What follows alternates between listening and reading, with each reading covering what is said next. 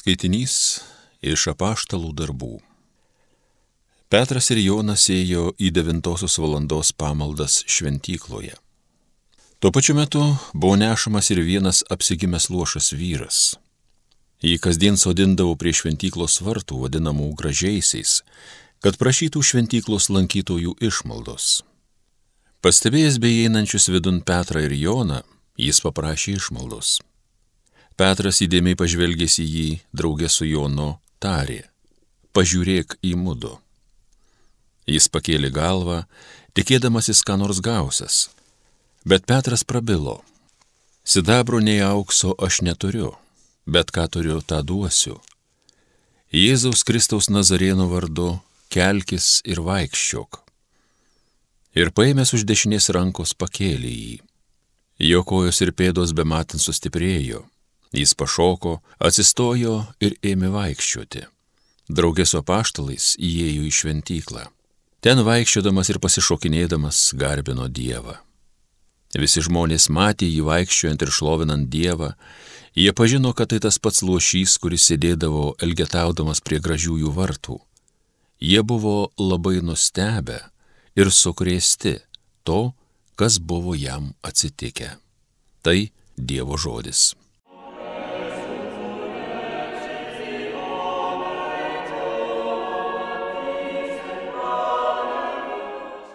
Tegul džiaugiasi širdys, kurios viešpaties ilgis. Iškilmingiausiai viešpatį garbinkit, sveikinkit jo šventąjį vardą, skelbkite tautoms didingus jo darbus, jūs jam gėdokit ir grokit, garsinkit jo stebuklingą veikimą. Tegul džiaugiasi širdys, kurios viešpaties ilgis. Jums leista šventų jo vardu vis didžiuotis, lai džiaugiasi širdys, kurios viešpaties ilgis, Žvelkit į viešpatį, į jo galybę, jo veidą išvysti, vis trokškit. Tegul džiaugiasi širdys, kurios viešpaties ilgis.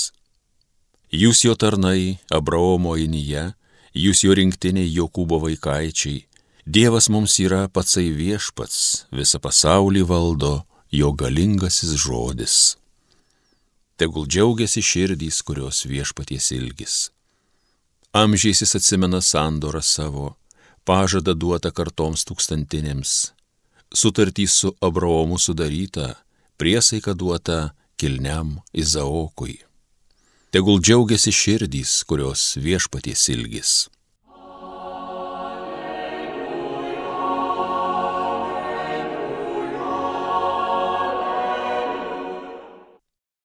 Šią dieną laiminga viešpats padarė, džiūgaukim kelkim linksmybės.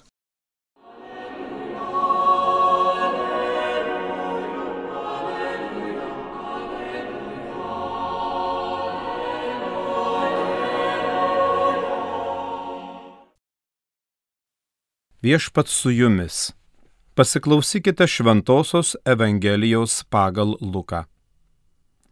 Ta pačią dieną du mokiniai keliavo į kaimą už 60 stadijų nuo Jeruzalės vadinama Emausu. Jie kalbėjosi apie visus tuos įvykius. Jiems tai besikalbant ir besiginčijant, prisertino pats Jėzus ir ėjo kartu. Jų akis buvo lik migla aptrauktos ir jie jo nepažino. O Jėzus paklausė, apie ką kalbate ir ginčijatės eidami keliu? Tie nuliūdę sustojo. Vienas iš jų, vardu Kleopas, atsakė Jėzui, nejaugi tu būsi vienintelis žmogus buvęs Jeruzalėje, kuris nežino, kas joje šiomis dienomis atsitiko? Jėzus ramiai paklausė, o kasgi? Jie tarė jam. Su Jėzumi Nazaretu, kuris buvo pranašas, galingas darbais ir žodžiais Dievo ir visos tautos akise, aukštieji kunigai ir mūsų vadovai pareikalavo jam mirties bausmės ir atidavė jį nukryžiuoti, o mes tikėjomės, kad jis atpirksęs Izraelį. Dabar po viso to jau trečią dieną, kaip tai atsitiko. Be to, kai kurios mūsiškės moterys mums uždavė naujų rūpeščių.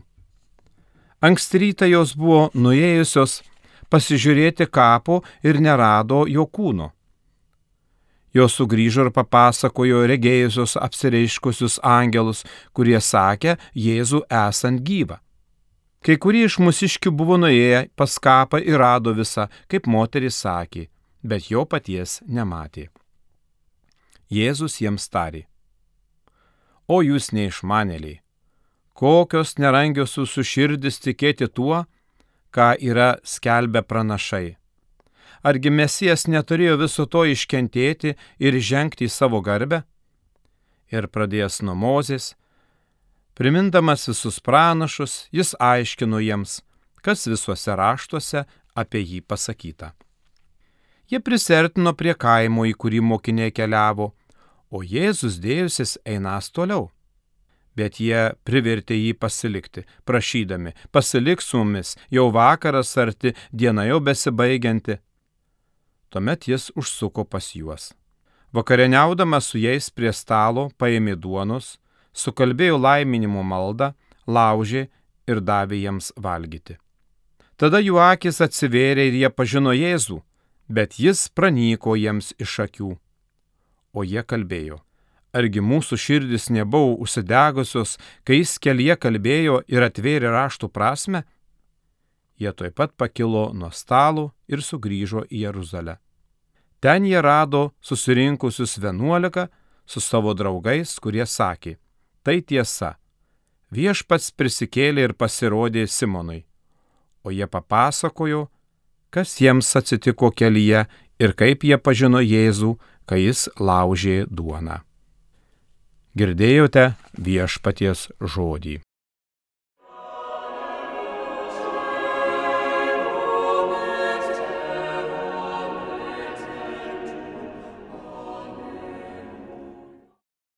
Mėly broliai sesės Kristuje, dar gyvename Velykinėme džiaugsme.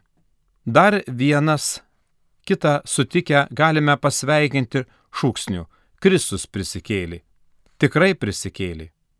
Šventų mišių skaitinių liturgija persunkta šiuo nepakartojimu džiaugsmu.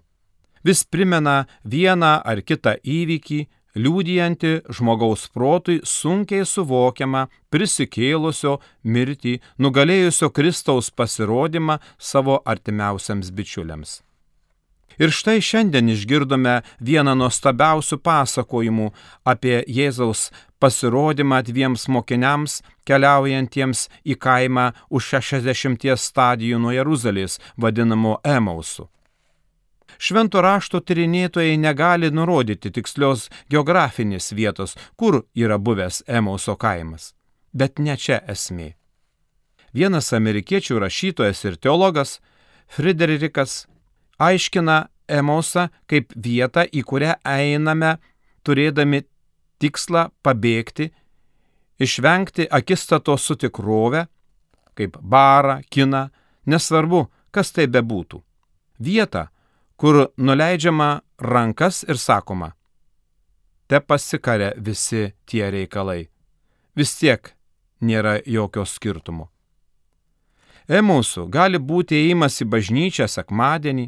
Emausas yra tai, kai mes darome ar sakom, kai užmirštame, jog pasaulyje nieko nėra šventa, kad netgi išmintingiausi ir drąsiausi ir mylimiausi miršta, kad netgi kilniausios žmonių turimos idėjos, idėjos apie meilę, laisvę ir teisingumą visuomet iškreipiamos savanaudiškų žmonių ir savanaudiškų tikslų. Evangelistas Lukas nepasako, kokiu tikslu mokiniai keliavo į Emausą. Jie galėjo paprasčiausiai eiti namo, bet greičiausiai jie, kupini baimės, bėgo iš Jeruzalės po tų baisių įvykių, kurių liudininkais buvo. Nebejoju, kad mes visi pažįstame pradusių viltį žmonių. Ir mes patys kartais jaučiamės beviltiškai. Todėl lengvai galim įsijausti į mokinių anomet padėtį. Jie tris metus buvo su Jėzumi, kuris kalbėjo apie Dievo karalystę, amžiną gyvenimą. Ir štai kokia tragiška pabaiga. Jų viltis sudužusios, lūkesčiai neįsipildę, širdis sumišusios ir pilnos baimės. Jie buvo nusivylę, jautėsi apgauti ir Jėzaus išduoti. Kupini sielvarto ir nusiminę mokiniai pakeleiviui papasakojo apie pranašą, galingą darbais bei žodžiais, kuriam aukštieji kunigai bei vadovai pareikalavo mirties ir atidavė jį nukryžiuoti. O mes tikėjomės, kad jis atpirksęs Izraelį. Liūdnai užbaigė pasakojimą mokiniai. Jėzus išklausęs jų aimanas, jiems tarė. O jūs neišmanėliai, kokios nerangios jūsų širdis tikėti tuo, ką yra skelbę pranašai. Argi Mesijas neturėjo viso to iškentėti ir žengti į savo garbę? Ir pradės nuo Mozės, primindamas visus pranašus, jis aiškino jiems, kas visuose raštuose apie jį pasakyta. Taip Jėzui aiškinant, o mokiniams klausantis, Jie priartėjo prie savo kelionės tikslo Emausų, kaip pasakoja Evangelija.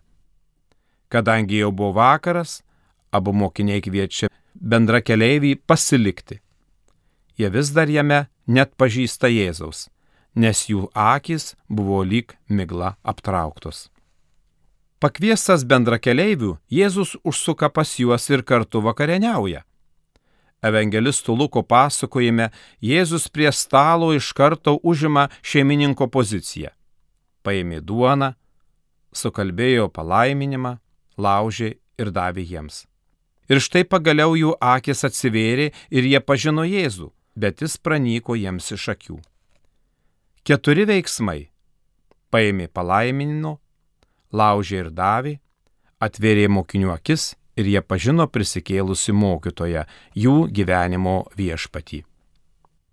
Taigi, broliai sesės, mėly tikintieji, kaip mokiniai pažino prisikėlusi viešpatį prie stalo, o ne kelyje, taip ir mes, krikščionis, kartu su visa bažnyčia patiriam prisikėlusio Kristaus ypatingą buvimą šalia, surinkę prie viešpaties stalo. Neteisūs yra tie, kurie sako, jog jiems bažnyčia nesvarbi, kad gali melstis vieni miške, prie ežero, prie jūros ar šiaip kurioje nors vietoje. Iš dalies tiesa. Tam tikromis akimirkomis galim ir tokiu būdu patirti dievartumą. Tačiau turim atsiminti Jėzaus pasakytus žodžius. Kur du ar trys susirinkę mano vardu, ten ir aš esu jų tarpe. Euharistija tai šventė, tai puota, į kurią sukviečia pats Kristus. Neįmanoma švesti vienatvėje šio svarbaus momento. Tik tai bendruomenėje, Kristaus mistinme kūne bažnyčioje įmanoma susitikti, atpažinti, išgyventi mūsų viešpaties Jėzaus Kristaus artumą. Turime atkreipdėmėsi ir į tai, kad Evangelijose nuolat matome Jėzų kelyje. Prisikėlęs iš numirusių, ir pasirodęs mokiniams jiems tarė, eikite į visą pasaulį ir skelbkite Evangeliją visai kūrinyjei. O iš apaštalų darbų knygos matome, jog Jėzaus mokiniai gavę šventą dvasę taip pat keliauja ir skelbia Evangeliją iki žemės pakraščių, kaip jiems buvo nurodęs jų mylimas mokytojas. Šventasis tėvas Pranciškus 2021 metais rudenį mus visus pakvietė tikinčiuosius į sinodinę kelionę, kurią nusako trys raktiniai žodžiai - bendrystė, dalyvavimas ir misija. Keliaujame ne po vieną, o drauge svarstydami, diskutuodami, mokydamėsi ne tik tai kalbėti, bet ir išklausyti kitą. Šventasis tėvas Pranciškus kviečia keliauti kaip Emauso mokiniai, klausantis prisikėlusio viešpaties, kuris visada eina tarp mūsų, kad paaiškytų mums raštų prasme ir laužytų duoną su mumis, kad šventosios dvasios gale galėtume vykti ir vykdyti jo valią pasaulyje. Brangus tikintieji, kaip tie du mokiniai atpažinę prisikėlusi Kristų, nepaisant vėlyvo vakaro, pakilo ir nuskubėjo papasakoti kitiems apie patirtą džiaugsmą, taip ir mes turim nepaliauti degančiomis širdimis pasakoti kitiems apie savo patirtį, sutikus Jėzų. Dievo žodžiu padėkime atverti kitų akis, kad pamatytų Jėzau Euharistijoje, išgyventų jo artumą ir toliau vis kartu su juo keliautume išganimo keliu. Amen.